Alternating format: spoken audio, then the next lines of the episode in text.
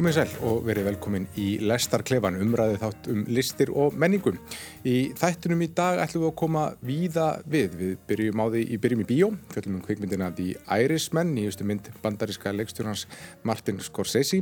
Vendum okkur svo söður í Garðabæ og síninguna það sem lengi á að standa, yfirleitt síningum á verkum Sveins Kjarval í Hönnunarsatni Íslands.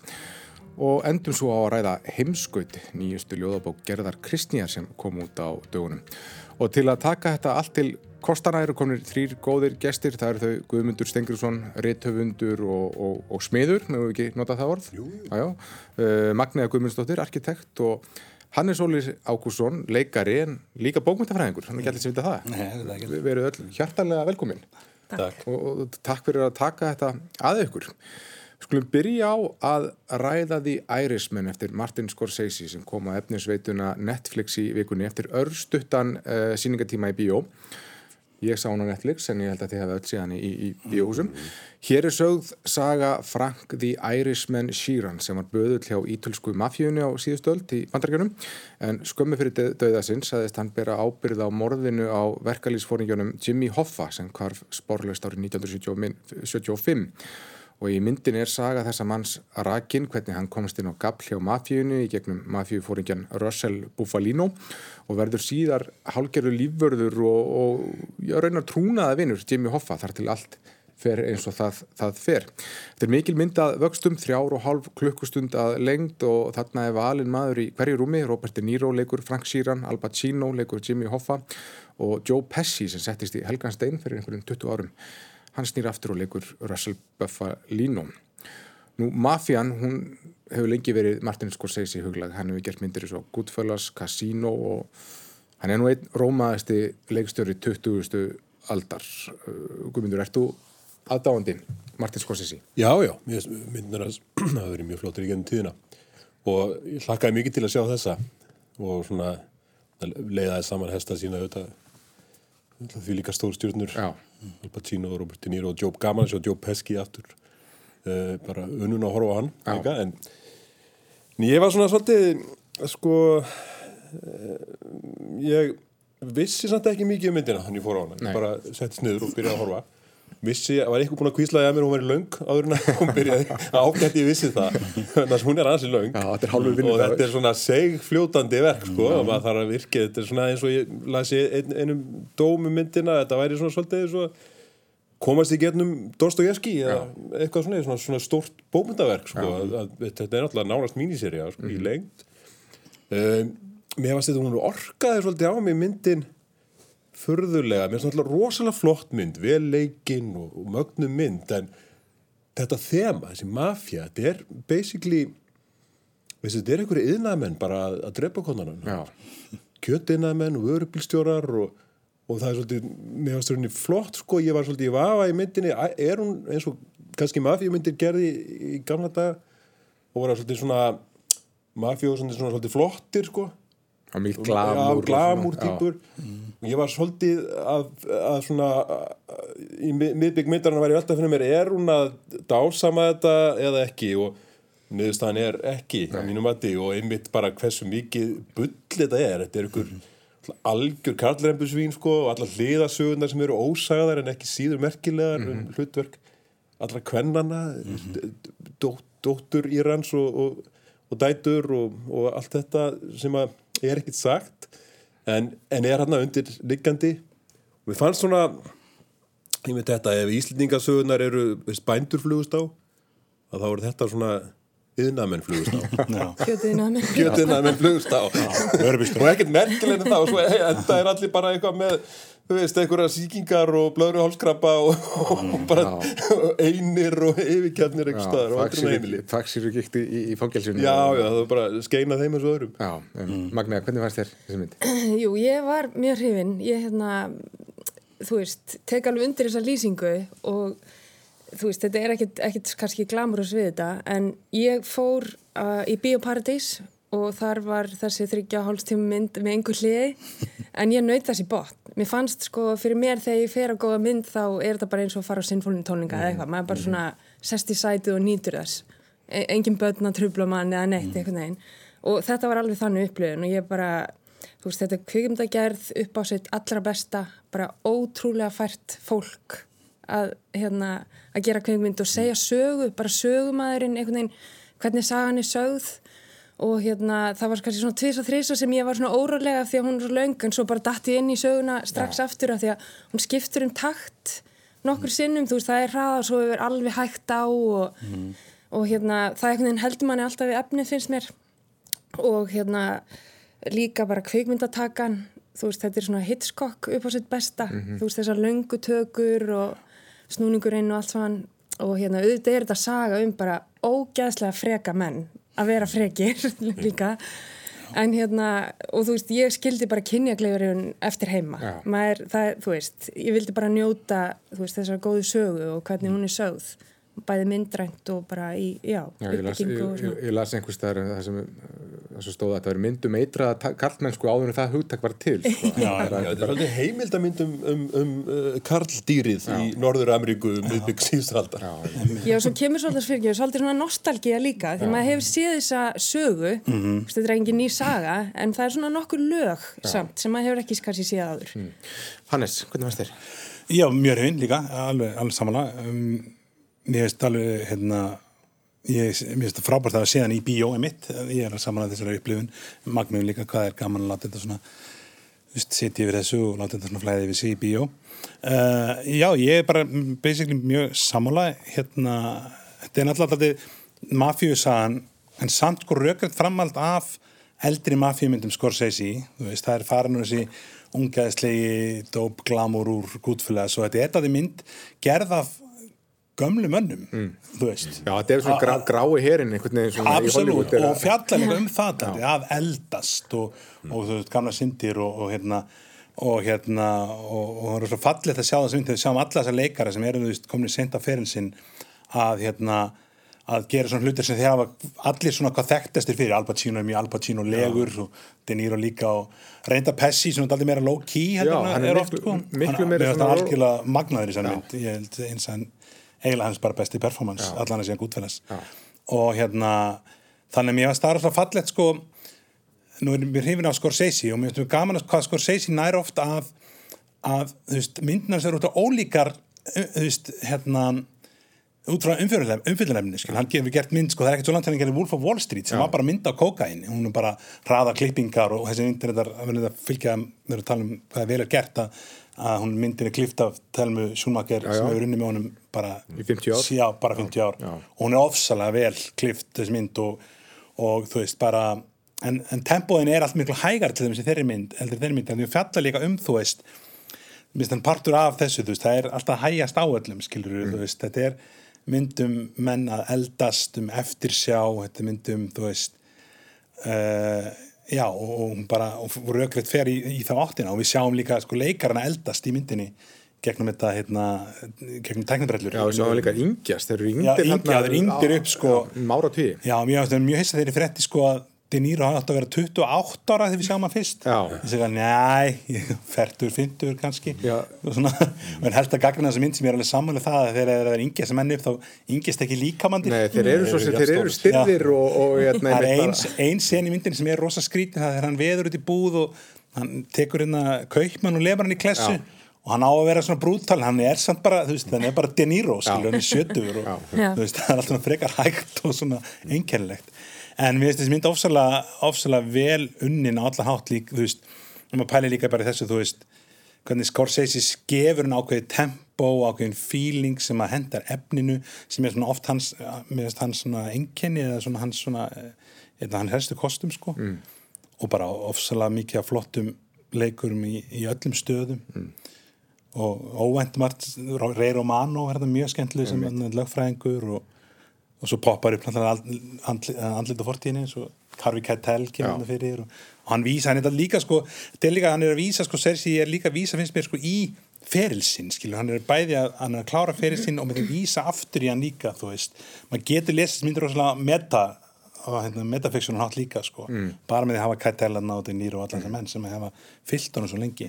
Uh, Atriðu svo nefnir það sem Robert De Niro eða Frank Sheeran ræðist þarna á kaupmannin, kaupmann sem hefur uh, stjakaði við dóttur hans. Já. og uh, það kannski undirstrykkar hvernig þessi mynd fjalla líka um sambönd og hver hotlustamanns liggur. Mm. þegar þarna er hann svona undir því yfirskinnið hann sé að verja þarna heiðu dóttur sinnar en hann gengur í rauninni fram að henni með ofbeldinu sem hann beitir og hún, hún sér hann aldrei í sama ljós eftir það. Og hann slítur eiginlega svona rýfur tengsin við fjölskylduna. Mm. hotlustan liggur alltaf hjá mafíunni. Meira segja þegar um, hann verður lífvörður og trúnaðavinnur Jimmy Hoffa þá er honum samt sem hafa gert ljóst frá upphafi hvar hotlustan verður alltaf líka hún þarf alltaf að vera hjá mafíunni og þess svona þarf hann að og, og það er alltaf algjörlega svona óbreyðult hjá honum. Hann, hann, hann horfir aldrei tilbaka með það. Hann veit alltaf hvar tryggð hans á endanum líkur Já, samt sko, það var líka, mér finnst það góð samræði hérna milli, milli Franks og dóttur hans, Betty, er þetta ekki? Já. Peggy. Peggy, já. Já. Hérna, uh, það sem að hún segir einmitt, sko, að það hafi aldrei verið hægt að koma með neitt til hans. Þannig að hann brást alltaf svo svakalega við, fór bara og barði fólk. Þannig að hotlistan verið stað að verið alveg hjá fjölskyldinni eða hjá, hjá börnunum, dætrunum og, og verja þeirra heiður og svona en bara á okkur mjög úreltan hátt og finnst myndi vera svolítið um það líka. Já. Bara eh, einhvern veginn horfin gildi og maður er að horfa á sko þennan áratug þessa áratugi í bandaríkjónum og þetta er sannsögulegt náttúrulega. Já, já. Já, og þetta er skrifað eftir bók hérna, um, um, um, um hann. Og náttúrulega hann heldur fram að hann hafi dreipið Hoffa en það er deilt um það. Já, I heard you paint houses og það að mála hús er sem sé að að skjóta einhvern. Er að þessi, sko- innamennska Þegar þú tók eftir því, þá kemur aldrei í byrjun myndana kemur aldrei því Ærismann það kemur bara I hear you paint houses Já. en hún heitir það eða líka sko. Já, akkurat. Mér finnst einmitt Robert De Niro karakterinn svona einna erfiðasta átta mig á honum. Mhm. Kannski, mér finnst ágætið skilgreining sem ég hef ekki alveg pælt í hvar hotlistan liggur Mhm. og hann er kannski bara svolítið gamaldags en það er líka þetta, mér finnst hann sko minnst samfærandi í þessu hérna aldursfeik hérna, Já, þú veist, mér finnst Joe Pesci og Al Pacino bara, þú veist, mér finnst Mhm. það alveg virka en kannski af því að hann er að, aðal karakterinn en þegar hann var ungur þá fannst mér ekki alveg samfærandi að trublaði mann smá Já. En svo líka, hann er einhvern veginn dulafullur og bara, þú veist, hva, hva, hvað er það sem drýfur en hann, mm. en hann persónleika áf, eða þú veist, þessa persónu Já, áfram? mér finnst þetta aðfjópið svona í lokinni þegar þetta er rosa langklöp þessi karakter Já. ef maður pælir í þannig mér finnst svona undir lokmyndan og þá finnst mér svona hans sko innri maður skín ekki og hans tókstir þetta kemur alveg gegn í þessum loka kapla sem er svona alveg sko sér kapitur út af fyrir sig þessi sko þegar bara undir loka æfans Já, þannig að hann að- mættir í hjólastólinn Já, allt annað já. tempo og allt annað fílingur í myndinni hún hættir að vera mafjumynd og eða svona miklu lit og fer að vera bara um það eldast og þú veist eftir sjá og, og emitt hotlistu og hvað þetta gera og hvað. Mér ég nýla þar, þar fór fór það sem að mér finnst það sem hann hefur verið að leggja inn alla myndina, þessi döli karakter. Hann er, hann er rosalega tilbaka alla myndina. Þú veist þessi leikari sem er oft mjög bombastik og stafar mikill og hann hérna, næra, mér finnst hann sko tengja þetta svo fallega í lokin sko. Það, það er svo ánægilegt að sjá De Niro og Al Pacino góða því að kannski síðustu 20 ár hafa nú ekki verið hafa, þeir hafa ekki verið sérstaklega uh, ekki verið upp á besta sko sérstaklega lost, Pacino. De Niro átt svona sprett og sprett hérna, hérna Silver Linings Playbook dæmis og nokkra myndir en, en Pacino vissulega oft við hans í tindur sko. Já. Þeir eru bara algjörlega í sínu elementi. absolutt og bara, og ég segi aftur Joe Pesci ég, ég verð mjög hissa ef hann verður ekki í veluna hérna, kategórium Mm. eftir áramót sko, þetta er óbúðslega flottur Já, fallegu tekur það. performansjónum Nú, nú sá ég þessa mynd í uh, ég horf hann í sjónvarpin, ég horf hann á Netflix og ég kannski verð ekki alveg í jafn gagtekinn og, og, og, og þið. Ég allavega, ég, ég hef verið að lesa dómum hana og hún fær alveg frábæra dóma allstað með 96% á Rotten Tomatoes og já, já. hver fimmstjórnum dómur hún fættur önnu besta myndskorseysi í 30 ár og maður kemst ekki hjá því að hugsa að þetta, þetta séu þessar gömlu kempur þetta sé svona uh, svolítið síðasta áhlupið já. Bara, já, já, nú skulum við sína að við erum ennþá með, það er ennþá nóg til í tankinu hún sko. fær held ég einhvern ákveðin plús á svona einhverjum nostalgíu í bensinni sko já. sem er alltaf bara trendið í bíó þessu dana það er rosa mikið verið að nostalgíu í gangi. Ég fann alveg að það var það sem höfðaði til mín mjög mikið, Já, sko, já. þegar maður sé þessa karakter svo oft og já, upplifa þetta áður einhvern veginn og, og maður tengdi við það. Mér finnst myndin að leika með það líka, þú veist, hún er að vinna með nostalgín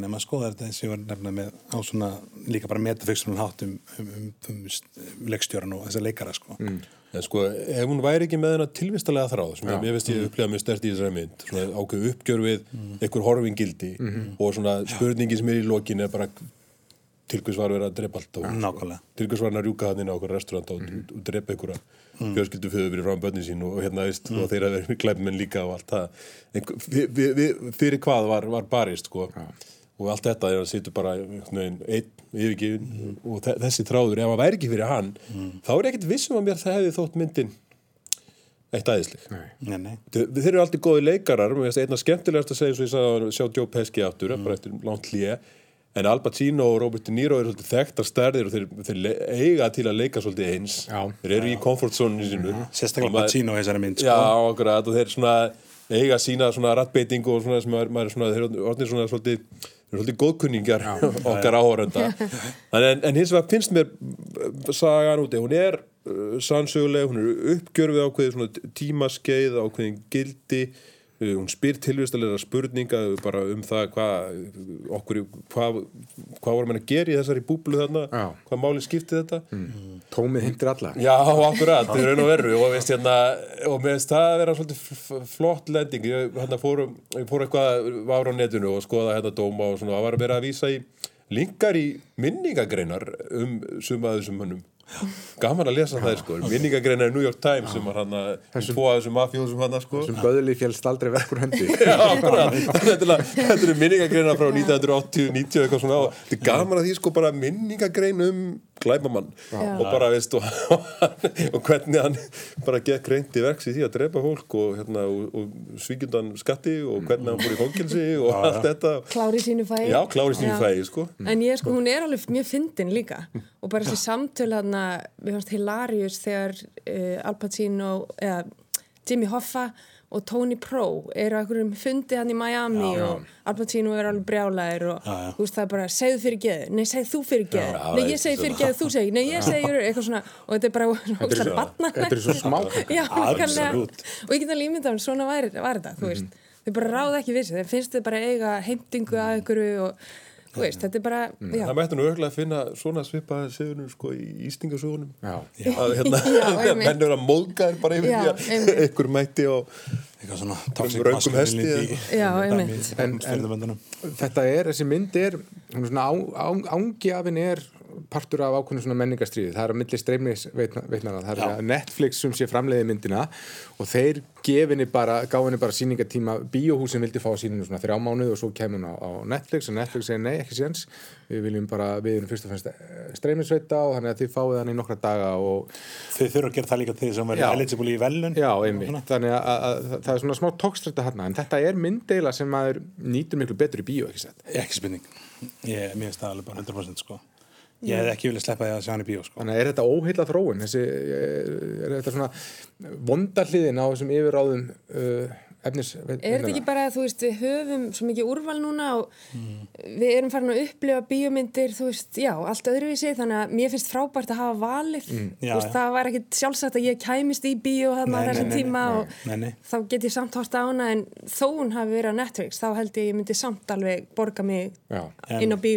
ég Já. á veist, bara hafa valið maður vil hafa þann kost Já. ég er alveg saman með því sko ég, Bíó getur líka verið erfið, sko, eða sest ykkur fyrir aftamann sem talar og svona, það gerist eiginlega alltaf fyrir mig. Það kemur alltaf ykkur, svona rétt áður í myndi byrjar, að sest ykkur fyrir aftan mig, byrjar að tala.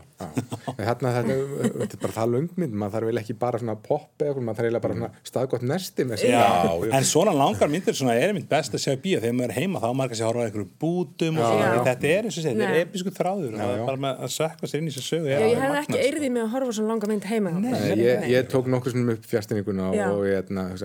bara í ekki tveir tímar eftir. Já, já, gerði það En ágættis hugleðingar um The Irishman sem er ekki lengur í bíó en er hægt að horfa á Netflix en yfir í allt aðra sálma í hönnunarsafni Íslands stendur við sýningin Það skal vanda sem lengi á að standa ég vild sýningum á, á verkum Sveins Kjarvals húsgagna og innanhús hönnuðar sem var atkvæða mikill á árunum eftir stríð og fram á áttunda áratíðin má kannski segja að verði hafi verið eitt þeirra sem kom með nútíma hönnun til Íslands Magnea, uh, þekkti þú vel til Sveins?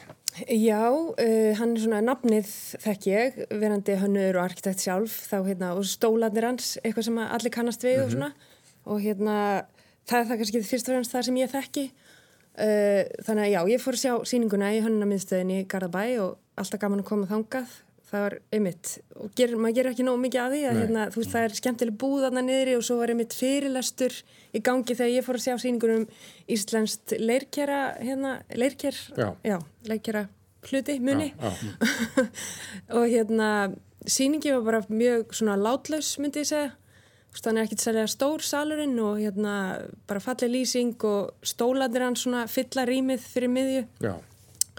Og það er náttúrulega er kannski það sem er aðaladrið uh, svo er svona skemmtileg tímalína einmitt sem að útskýrir svona samhengið og sögu sveins uh, og samhengi við þær sem er að gerast í hönnunar málum í heiminum á þe þeim tíma og svona hans persónulega líf og, og sem svona maður getur svona reflektað á uh, hönnuna og það sem hann er að gera hverju sinni og ótrúlega afkasta mikill í rauninni uh, hann er að þarna frá 50 og hvað, eitthvað, eða Þetta er bara- 40, þetta er hann fyrir frá- nám 48 eða eitthvað svo Já, og- Eitthvað 50 að ekki? Jú. til hann deyr 81 Já.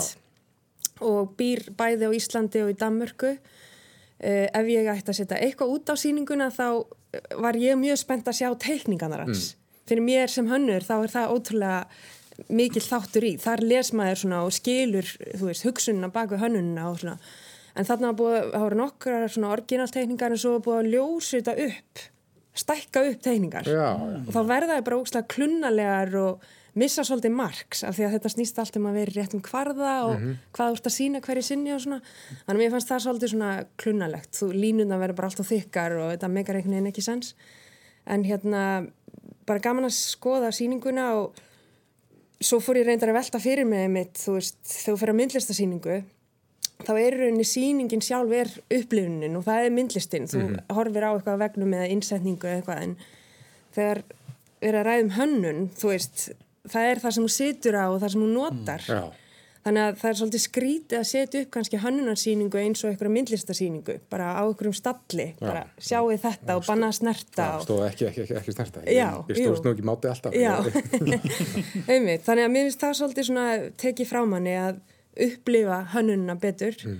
Uh, en það er kannski, þú veist, ekkit sérstaklega fyrir þessa sýningu, bara svona almennt einhvern veginn, hvernig sýnir maður hönnun og Mm. hvernig miðla maður hönnun. Uh, þó hannar safnið sé, þú veist, frábært. Já. En hérna, ég, það var svolítið svona hugsi um það eftir sýninguna. Og hérna, uh, þetta náttúrulega eru svo fágætti munir sumir hverjir í engaegu og, og já, hvað gerir maður einhver? Og brýtur eina stólinn sem er, sem er til. Ég skil það alveg, en ég minna að það er verið að selja þessa stóla í Eppal. Jú, vissulega, það er reyndar alveg 100 ás kall, Já. skilur en hérna uh, þú veist, allavega ég hefði viljað snerta og kannski snúa þeim við og skoða og eitthvað svona. Já. en þetta er bara svona punktur sem ég svona legg út, sko.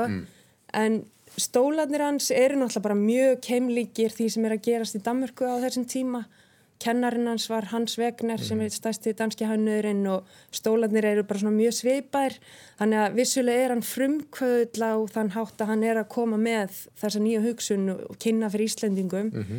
En mér fannst eiginlega skemmtilegra sko uh, innanhúsarkitektur Já. hans og þar sem hann er að hanna veitingastadi og búðir og, og svona sér hanna inn í ykkur rými. Já. þar fannst mér hann langsterkastur Já, það, er sem bara, hannur það er bara svo lítið að því því að þetta er inn í, inn í, oft inn í verslunum eða inn í bara Já. húsum og svo bara, Já. og það er forgengilegt ég kannski fornað eftir því sem á líður. Algjörlega, en ég meina ef við værum í París þá væri þessar innréttingar alla til en þá ekki bara að vera að skipta um veitingarstað þú þarfst að henda öllu út. Já.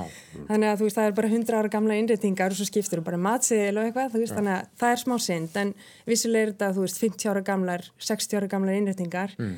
Meðal hans veist, Já. þar sem var hérna hann var með eitthvað svona báta smá vikingathema en samt eitthvað svona modernist mjög skemmtileg hönnun og góða pælingar. Svo er hann að þegar hann kemur til landsins þó hann sé með þessa dönsku hönnun þá er hann að vinna með íslensk efni ullarklæði og svona er að reyna að leita í nær samfélagið sem að er svolítið það sem við erum að gera í dag einmitt líka, svona að hugsa þessa hluti upp á nýtt. Guðmundur, hvernig fannst þér þessi sýning? Jú, með svona fallega, fallegi munir fallegi úrskögn og ég er nú sko hann hannaði, Sveit Kjarval hannaði húsgögnir upp í sögumbústað fjölskyldinni fyrir ömmu og afa Já, Þannig að ég er mjög vanur því að sitja í þessum húsgögnum. Hann, það eru tveir hægindastólar sem meðal annars var hann að sýnir svona ruggustóll er þar sem að nákvæmlega eins og þessi er á sýningunni. já. Þríhind borð, já með kólskunni. Það er líka þann hefur mér. Já, einmitt, hann er mjög einmitt, minnstað ruggustóllin Já. og ég tók eftir því einmitt sko að, að upp á kletti í sögumbúrstánum sko, sem Am og Afi byggðu ykkur tímann í kringum 1948 eitthvað svona og þannig að Sveitn hefur bara verið að koma líklega úr námið þá. Og, og teknaði húsgögnin. Og ruggustóllin er einmitt brotin á sama stað og þessi ruggustóll Já. á hönnunarsýningu er- tók er- eftir því er þetta bara Búið- að líma, neða það er greinlega galli þannig að hann, hann brotnar þarna uh, fótur framan á Já, já, já. Nákvæmlega sama hefur mér Er? Alltaf að berja þetta aftur inn. Nákvæmlega, nákvæmlega og svo er þeir falli mjói rimlarnir í já. það er eiga líka til að brotna sko. Eins sko annað er endilega mjög rafgert frá honum, syns Já. mér eins og hann að skrippborðið sem er hann Það er nú, kæmi því nú ekki inn til sín sko. Já, mjög, mjög svona massíft skrifbór já, hann er rosaleg Já, en eh, einmitt úr, úr eik eða ég held að það úr eik en samt er það einhvern veginn hann að þannig að það eru léttar línur það er svona, svona mjúkar og ávela línur þannig að það er svona svífur svo litið líka. Svona skrippborð sem er að nota líka sem bryggju. Já. Einmitt. En hvernig svona fyrir smiðsögat nefndir náttúrulega þessa galla sem hún kostaði en hvernig fannst þér gaman að já, í- Mér finnst bara rosa gaman að sjá svona uh, höndla, svona fallegan við Já. bara, veist manni langar einmitt að koma við þetta mm.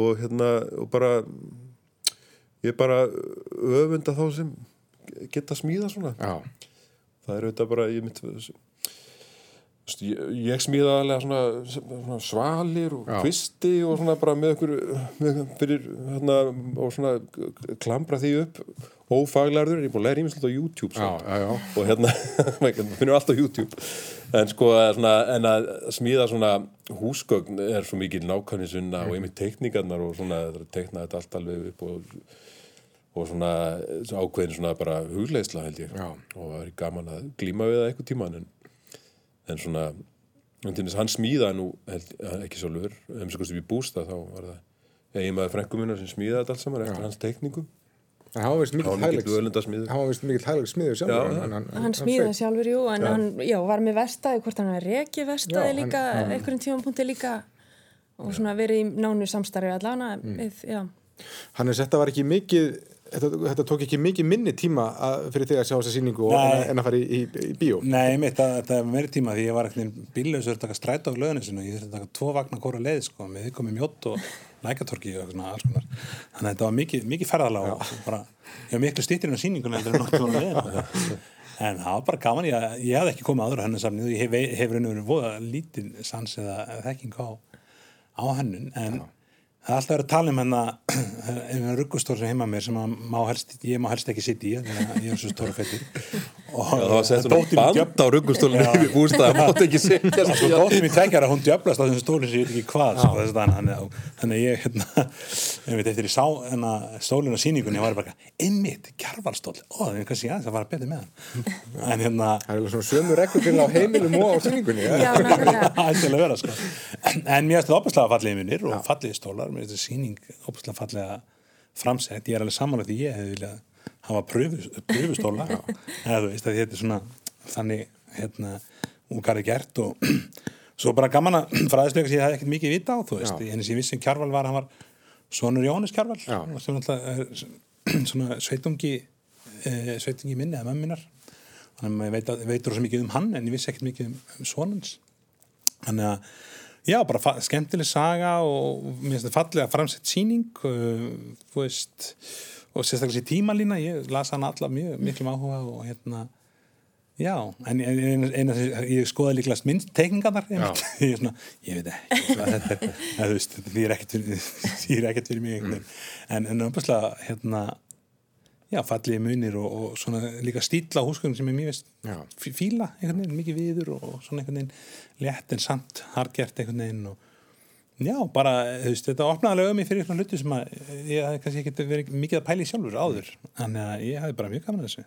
Það er einhver kannski nostalgía í þessari síningu líka þegar við erum að fá svona afturkvart til sjötta, sjöunda áratugarins og líka þegar þá, þá voru bara og gast, þú ringdi bara í húsgagna hönnið, þú fegst þess að smíða fyrir þig, þú fegst þess að innrétta fyrir þig og þetta, þetta er svona um, kannski sem við sjáum í svolítið glíu núna á þessum tímum þar sem handverkið er að, er að koma stell baka. Mér varst mjög sko nefnilega áhvert ég las, var að lesa tímalínu og fyrir neðan er svona atbyrðin í mannkynnsögunni Já.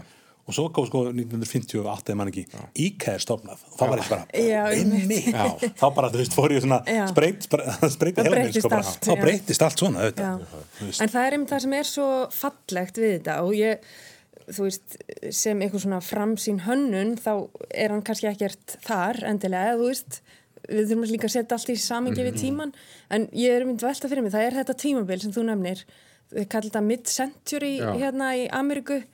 Og hérna, þetta er einhvern veginn uh, tæknin er svolítið til staðar og tækin og þú getur gert ímsa hluti en handverki er svo hérna, mikið til staðar á sama tíma. Þannig að kannski er þetta þessi tími þegar þetta mætist einhvern veginn og það er fyrir að veist, þróa nýja hluti, já þessi rúnuðu, rúnuðu línur en veist, allt skrautið er farið sem er einmitt. en hérna efnið einhvern veginn fær að njóta sín miklu betur og formið og það er einhvern veginn skrautið sjálft. Og allir sko, öll samskeitin er svo falleg og hérna einhvern veginn svolítið falinn og skýrar línur, allir létt Já. allt saman, sko, Já. allt efnið og það er þetta danska einhvern Já, veginn, skandinavíska líka. Já. þannig að jú, ótrúlega fallegt fallegi margir hlutir hana Það, það er einn ein stóll hérna sem er í framleiðslu sem ég held að EPA láti framleiða og er alltaf í, í sölu þar um, Væruðu til að sjá fleiri af þessum stólum hérna? Það Þessi, sem væru þessi, þetta sofasett finnst mér Já, mjög. Hérna, svolítið skemmtilega samfélagslega skemmtilega samfélagslega tenging þar sko, það var þegar að sjónvarpið fór í lit ekki, og, og sófin í stofunni var sjónvarsófi og þá er hannaði hann þennan sófa. Já. Rúnaður svona og virkilega flottur. Samsettur, Já, hægt og að breyta já, já, Þú getur einmitt sett hann saman við svona vegu eða ekki? Jú, en ég hugsaði að þá hafi fólk setið og hort á sjónvarpið sko. núna liggur fólk tungusófi Já, tungusófi Sveitnið þurfti að hanna væri, það væri núna sko. að sjá. einmitt En væri þið til að sjá einmitt einhverja munir hérna sem væri bara, þú getur farið út í búð og ég, ég sá alltaf tvo stóla sem ég væri Já, algjörlega, algjörlega. En eins og segi, það er verið að selja stóla í Epal. Já. Þú veist, þeir kosta bara Já, það er eldús, 100 já, það, það er eldúrstóllin hérna sem að fæstir hafa efna á að kaupa sér einmitt, sex stykki, kannski, já, einmitt. En hérna, og svo bíl já, það, veist, þetta er klassíst Mhm. og alveg við. Mér finnst þetta bara á pari við margt af því sem er að framleiða í dag, ef ekki betra og eiginlega sko, þegar ég sem hönnur er að velja sko stóla inn á einhver svona kaffihús eða einhver staði sem ég er að hanna þá hérna, er það yfirlega þessar klassísku gömlu sem að hérna, af því að þeir eru svo sterkir líka Já. og endast vel sem að þessi held í húsgögn hafa sanna sér með líka sem er svo mikilvægt nema þetta, þetta litla brota á ruggustólunum Já, er eitthvað hönnugalli Já, ágætt að við afhjúpum það hér í Já. dróðum það fram hérna en sem sé alveg óvægt að mæla með þessar sýningu upp í hönnunarsafni Íslands á, á verkum Sveins Kjarvals. En úr hönnun yfir í bókmyndir á dögunum kom út heimskaut nýjunda ljóðabók Gerða Kristnýjar sem ég held að sé óvægt að kalla eitt fremsta ljóðskald okkur Íslandinga í dag. Hún hlut íslensku bókmyndavelunin fyrir blóðhopni árið 2010 og var tilnæm til þeirra í fyrra fyrir sálumessu. Um, þær tvær bækur voru svona sjálfstæði ljóðabálkar en heimskaut er sapp ljóða þar sem fangaði leitað víða í náttúrunni, heimskautaferðum en líka sögulegum atbyrðum framan af er það veturinn og kuldin sem setur sterkan svið á, svipa á, á ljóðin. Um, áður kannski við dembum okkur í bókina hvað ljóða lestur almennt? Hannes, lestu mikið af ljóðum? Nei, ég gera það reynum vel ekki en ég hef svona, te svona tekið mér til öðru hverju og, og svona gripið í. Ég veist á svona nokkur uppáhaldsljóðskald ég hef að lesa allt sem skýrir Elías sem gefur út sama hva, hvað formið það er. Þannig að ég svona held í við þannig og svo þegar bækur kannski er að vekja mikla aðdegli kringum jólabókaflöði þá svona gríp ég í þar öðru hverju sko. og svona, eh, en ég kannski, leit, ég kannski eldist ekki við þau. Nei, En, hver- en, en, en nú var það ég sem eldist við þig og letið fá þessa bók. Hvernig, hvernig, hvernig fannst þér hún? Mér finnst hún bara ofsalega fín. Já. og hérna mér finnst hún uh, rosa skemmtileg stemning í henni. Uh, ég er hrifin af svona hennar, hennar stíl. Hann er mjög, mjög minimalískur það er eins og hvert orðskipti alveg sjúklega máli og maður getur svona kjamsaða ljóðunum og, og, og það er, hún er rosa, hún er ekki síðrið að með lesa hann aftur. Var, ég var með hann í strætó á leðinni en ég gæti lesa hann alla aftur. og meira til leðin annar safni þannig að og hún hérna, já, opaslega fallegt myndmál uh, ég er kannski líka pínu svona svag fyrir, fyrir svona melankóliskum ljóðum það sem þetta vissulega er, þetta er mjög köld bók það er mikil vetur í henni uh, það er mikil svona uh, og, og hún er svona hérna, falla uppsett líka, hún fer einhvern veginn úr vetri yfir í kannski svona kuldi fer síðan kannski bara yfir í manginsöguna og, og, og það eru flott fallið strúktur endar mín í ljóðabalki sem, sem er mjög svona harmarætt döði hjartar. döði hjartar. Og hérna þannig ég, ég var alveg feikilega hrifin þessar bók sérstaklega, eins og segi, sérstaklega í, í annari lestingu, hún er mikill mestari orðana sko. Og, og, og þú veist það er eins og hvert einasta orð það, það, er mjög- hún er mjög vönduð. Já, mjög mittlað allt. mjög meitlað, mjög vandað og mjög svona já, situr í manni daldið eftir á sko. Uh, og ég hef ekki lesið mikið af ljóðum eftir Gerri Kristnýju sko, ég held ég hef ekki lesið bók síðan bara blóðhopni en, eh, sem ég lasa sín tíma. Þannig að ég var mjög hérna, já, mjög hrifinn og, og hérna ég get ekki að þetta komur óvart en, en þú veist að ég hef bara virkilega gaman eh, af þessum sko og þetta er líka svona bók sko, sem maður getur sko, einmitt, maður getur, hún, hún, hún vex bara vendulust og maður getur líka fara að sökva sér í hana sem er kannski nördal hluti frá bókmyndafræðingi sko, ég, maður getur alveg farið og flett upp fullt af atbyrðum og tengt inn í, þú veist, ég hann er vitnað í sögulega atbyrði og svo og hérna, og samtíma atbyrði svona smá og hérna þannig að mér veist hún, sko bara virkilega, hvað maður að segja marglega og skemmtilega og heillandi og bara flott bók sko. Magnea, hvernig fannst þér? Heimskvöld. E, já, ég hérna, hef ekki lesið ljóðabækur eða bækur eftir gerði. Nei. Ég hef bara, þú veist, náttúrulega fylgst með henni í fjölm, eða skrifa greinar, greinar sem hún skrifar og, og finnst hún frábær penni og, og höfundur og ég hef svona hugsað að þetta er svona virkar á mig sem svona gömul sál sem hefur skrifað þegar ég var að lesa þessa Já. ljóðabók, einhvern veginn svona svolítið svona fyrir mér það var eitthvað svona gamalt og svona hefðbundið við, við bókina ég hérna sá eitthvað starf hún sagði frá því að hún hefur mikið verið að ferðast Já. þessi síðustu misseri og, og þetta, bókin sé að endur spekla það svolítið. Þannig að það kannski e, þegar ég var að lesa bókina þá var það kannski svolítið svona maður var á einu stað og svo maður komin einhvern annan þannig að ég er svona högti svolítið. en mér fannst síðasta ljóð, ljóðabalkurinn döðu hjartar. Já. þar einhvern veginn fór, fór hún með mann svolítið á flug. Já, mér finnst hún geggju og einhvern veginn sjónarhóttni sem hún er að eh, lýsa þarna og, og hérna þessi bræður og það var eitthvað mjög fallegt já við það, það það, það er hún sem sé að vinna úr, úr njálu. Þetta er döði Já. hjartars bróður Gunnars á, á hlýðaranda. Guðmundur, hvernig, hvernig fannst þér? Jú, ég, ég, það er svona mjög flott bók og einmitt og þau var að spyrja hvort, að við læsum ljóð mikið Já. en uh, fyrir mitt litið allt og lítið Já. og runni gaman að, að fá núna smá sparkið aftur þetta til að lesa ljóð bara, Einmitt. þú bara bankaður upp á með þessu bók sagði mér að lesa hana og, og ég las hana bara á, kom, kom ógnandi og og sann sko. bara byrtist úr, úr myrkrinu ég held að fyrsta ljóðabók. Já, ég held að fyrsta ljóðabók einmitt Jóns úr vör hafi heitið Ég bera dyrum. Akkurat, ég sett smá niður, las hana og einmitt hugsaði, já, mikið er gaman að lesa ljóð aftur. Og þetta er einmitt sko svo skemmtilegt form að maður leggur til hliðar eh, endilega einhverja löngun til þess að skilja endilega allt sem er í gangi á síðunum, sko. Maður les einhvern texta og veit ekkert endilega um hvað hann er. Mm. Sum, sumljóðin eru frekar svona augljósar bara lýsingar á á, á treð sem drýpur undan snjóðunga í Reykjavík eða hvítamirkri norður á ströndum í sjókófi snjókófi, sem eru- mjög fallega myndir og það er, höfðu mjög stert til mér svona þessar náttúru lýsingar gyrðingarstaurar halda túni í skefjum norður á ströndum og, mm. svona, og svo datt maður inn í ljóð sem að kannski svona viss, fannst eins og uh, maður þyrfti að vita eitthvað svona smá veist, ég er ekkert inn í endilega sögunum dauða hjartar Já. en uh, samt finnst mér alveg gaman að lesa þetta en ég, ég hugsaði að maður veri í var í bóndafræði kurs í, í íslenskunni í háskólanum eins og í galan daga þá væri örgulega hægt að fara mun dýbra í þetta allt saman sko. Og svona krifja hvað er fjallaðum en sko ég er líka sammálaða við annan lestur að þá lifnaði þetta enn frekar við og, og svona urðu nokkur ljóð svona í meira uppáhaldi. Já.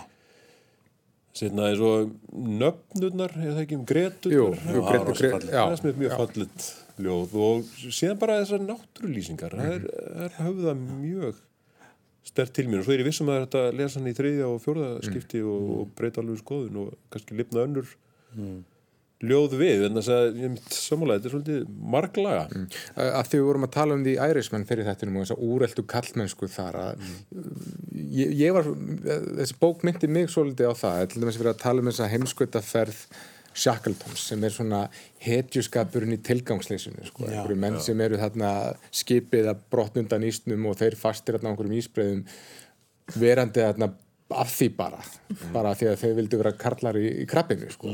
Og eins með dauða hjartar að þar eru þetta bara vígamenn eitthvað að, að því að þetta var alveg flottast sem þú gæst skert sko að vera svona almennilegur vígamæður eins og deyr hjörtur og hann er dregin heim og þá dregur hún fram móður hans hvernig, hvernig og, og þá verður maður með, þá, þá fyrir maður að hugsa um uh, svona tilgangsleysi þess alls það var sama þema í ærismenn já, Já. Já, já. einmitt Já, þegar þú varpar ljósinu einhvern veginn öðru sér á þetta, þá Já. setur þetta allt í samhengi einhvern veginn.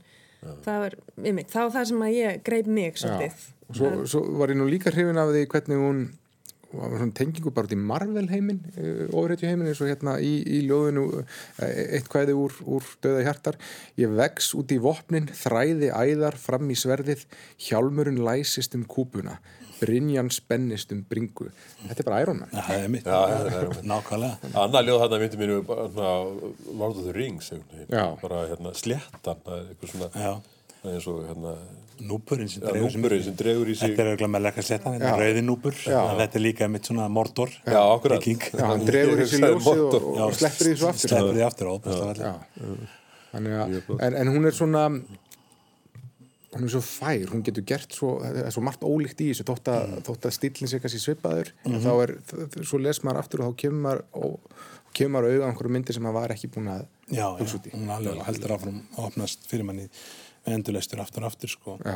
Og líka þú veist og, þú, og ég um lýsir sko sem hún segja hún er og, hérna melankóli sko þetta er köldis bókamikl veturinnin en svo hefur gerðið Kristín í mjög sko fínt laga húmor líka það Já. eru skemmtilegar svona, svona nýtt, næra flétta inn í þetta svona Uh, skemmtilegu litlu myndum sem eru bæði kannski tragiskar og humorskar samanbeðna stittuna við Já. sem að hérna með hérna með snjóin og eða, já, er þetta lýsa ljóðum eitthvað en, það er, en hún, hún er líka sko hún er ekki veist, það eru svo margi tónar í þessar bók sem fléttast skemmtilega saman finnst mér. Og það er líka skemmtilega svona uh, þróunin, veist, það er, það er ekki hún er, það er sem, sko, kannski ekki saga en ákveð lína sem er, sem er fyllt sem þróast á mjög skemmtilega nátt, enn bókina. En struktúrun á henni er mjög skemmtilega líka. Mm, einmitt. Um, Jólabókaflóðið almennt, það er náttúrulega er í hámarki núna, það eru bókatíðindu komin út og, og þvíinlegt eru þið búin að, já lesið þið mikið í aðdráttar jóla eða, eða býðið þið bara eftir að, opna pakkana á, á aðfokkataskvöldi? Ég er yfirleitt aðfangtaskvöld maður, en ég hef stundu verið að vinna þess, ég, er- ég er að lesa alltaf hljóðbókasafni. Já. og þegar maður er í jólaflóðun, maður stundum fær svona forsmekka bóku sem maður fær hendna þar, að ég er búin að lesa allan að, allan að tvær svona bækur sem er komið í jólinn og fleira á leiðinni. Þannig Hvað sem uh, spenntu fyrir? Ég verði að mæla með, já, ég verði að mæla með kokkál eftir Dóru Díana.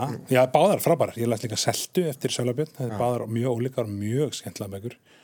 Uh, sagan stóra er mjög svona, hérna, uh, svona nútíma saga um manni og okkar aldri. Þannig að uh, svona ég er tengdi mjög vel við hana en hún samt fyrir mjög skemmtilega áttir bara í í svona talandi eða bara um ákveðna fyrringu og svona einhverja þú veist, melankóli nútíðumannsins Já. einhverja, einhverja svona tengslaleysi og opaslega skemmtilega bók og, og ég mæli virkilega með henni, mér finnst hún bara mjög, mjög skemmtileg. Já, ég þykir svo vita að þú getur mælt Dó- Konar Dóra já, bara, nú veit það ég, Ég, þannig að ég fyrir ekki varhluta þessu jólabókaflóði, sko. Ég kannski fyrir hluta líka ég þekki ekki Dóra. Hvernig er, að bú, ekki? hvernig er að búa með ritthöfundi mitt, já Það er mikið að gera. Er hérna, og sko eins og hann lýsi, ég næju ekki, náttúrulega ekki að fara á alla upplestrana, en þetta er rosa stemning, að vera höfundur og bara, sko. Þú veist, ég held að það veri, veit ekki að kvild hann í janúar, en, en hérna, rosa stemning og gaman og ég bara áttaði mikið á því hvað mikið af upplestrum er út um allan bæ og öll fyrirtæki, allir skólar, öll bókasöfn, þetta er bara alla búðir, veginn. Elli heimili elli heimili og hérna bara gegja það sko þannig að já, ég er svolítið byrjuð að lesa. En svo ég er búin að lesa kokkál og, hérna, og búin að lesa tilfinningabildinguna eftir Auði Jónsdóttir og er að lesa Andrasnæ Já. núna Já. þannig að ég hérna svo kemur náttúrulega Dóri alltaf með bækur heima upplistu, þeir skiptast á Já, höfundanir, þannig að Er- er- ég nýtt góðs að því Er hann duglegur að lesa aðra eða er hann bara svona Nei, það Viltu ekki mikið, tí flýt- ekki mikið tím í það. Nei. Jú, jú, glukkar í það svona með milli stunda en hérna mjög gaman og, hérna, og gaman að vera einhvern veginn inn í þessu hérna og, og fá þetta einhvern veginn allar svo sögur og, og, og hérna, já, þetta er stemning, Mm. rosa stemning og það er líka bara aldrei verið held í fleiri íslenska skálstöður sem Já. koma út. Bara, já. Hvað, 150 titlar. Já. Heyrði og bara öllu flokkurinn, sko 70% aukning á barnabókun til dæmis Það er bara algjört sturlað, sko. Já, hann fjallar um undan Þóraðin Eldjátt í nýjustu ljóðabókinu sinni þegar hann skrifar offrambóði bóka mætti fara að linna, mætti vera minna frambóð allra hinna Já. Guðmundi, þú, þú hefur nú bæði tekið þátt í bókaflóðinu en svo, og, en, en svo verið líka bara almennu lesandi svo við hinn. Já, í fyrra gaf ég út bók og gaf hann út um sömar til, og ég snitti hjá jólabókaflöðu Já. og var alveg einn á sviðinu. Og það var enginn það gaf bara svona bara enginn höfundur hver sem liti var. Ég gaf út rétt eftir vestumhelgi og bara prófa það. Og ég komst nú kannski að því að það er ástæða fyrir því að það gefur enginn út þá. Það er eiginlega enginn en vísu Jú, maður fekk mikla aðtegli og svona, Já, en, það bara einhvern veginn fer alltaf stað Já. Í jólabókarflóni, þá er það bara tími bókarinnar rennur þá upp, sko. Þannig að ég, fyrir langa löngu hins vegar, þegar ég gátt fyrir skáttusöguna mína, þá tók ég á þetta í jólabókarflónu og það var óa gaman. Mm. Einmitt, fór út um all landa að lesa upp og bara virkilega mikil stemming, sko, skemmtilegt. En hérna, já, en það eftir að lesa eða bækunar mestu sem ég fekk í fyrra. Já, Ég komin í skuld. Eftir að lesa Hallgrímsin í Já. fyrra og, ok. og, og Bergsvein Birgisson hann er á náttborun eða og, og, og hérna við langar að lesa Dóra. Já, um, og um, ég er búin að lesa andra snæðavísi já, ég las hann um daginn. Og mjána með það. Bara virkilega, hann veldur ekki ofbröðum nei, og alltaf bara mjög mikilvæg bók líka. Einmitt. og það sem hann er að fjallum um, já, þannig að ég, ég, ég, ég hefur alltaf verið ombriðum eða það er ekki, eða það er ekki e, allavega ein bók í, í, í, í, í jólapakkanum. Já. Þetta er mörgu að slægjast í jólabókaflóðinu í ár en ég held að við finnum að slá botnina þátt í dag. Kæra þakki fyrir komuna, Guðmundur Stengriðsson Magnæða Guðmundsdóttir og Hannes Óli Ágúrsson og hafið það bara sem allra best. Sömulegis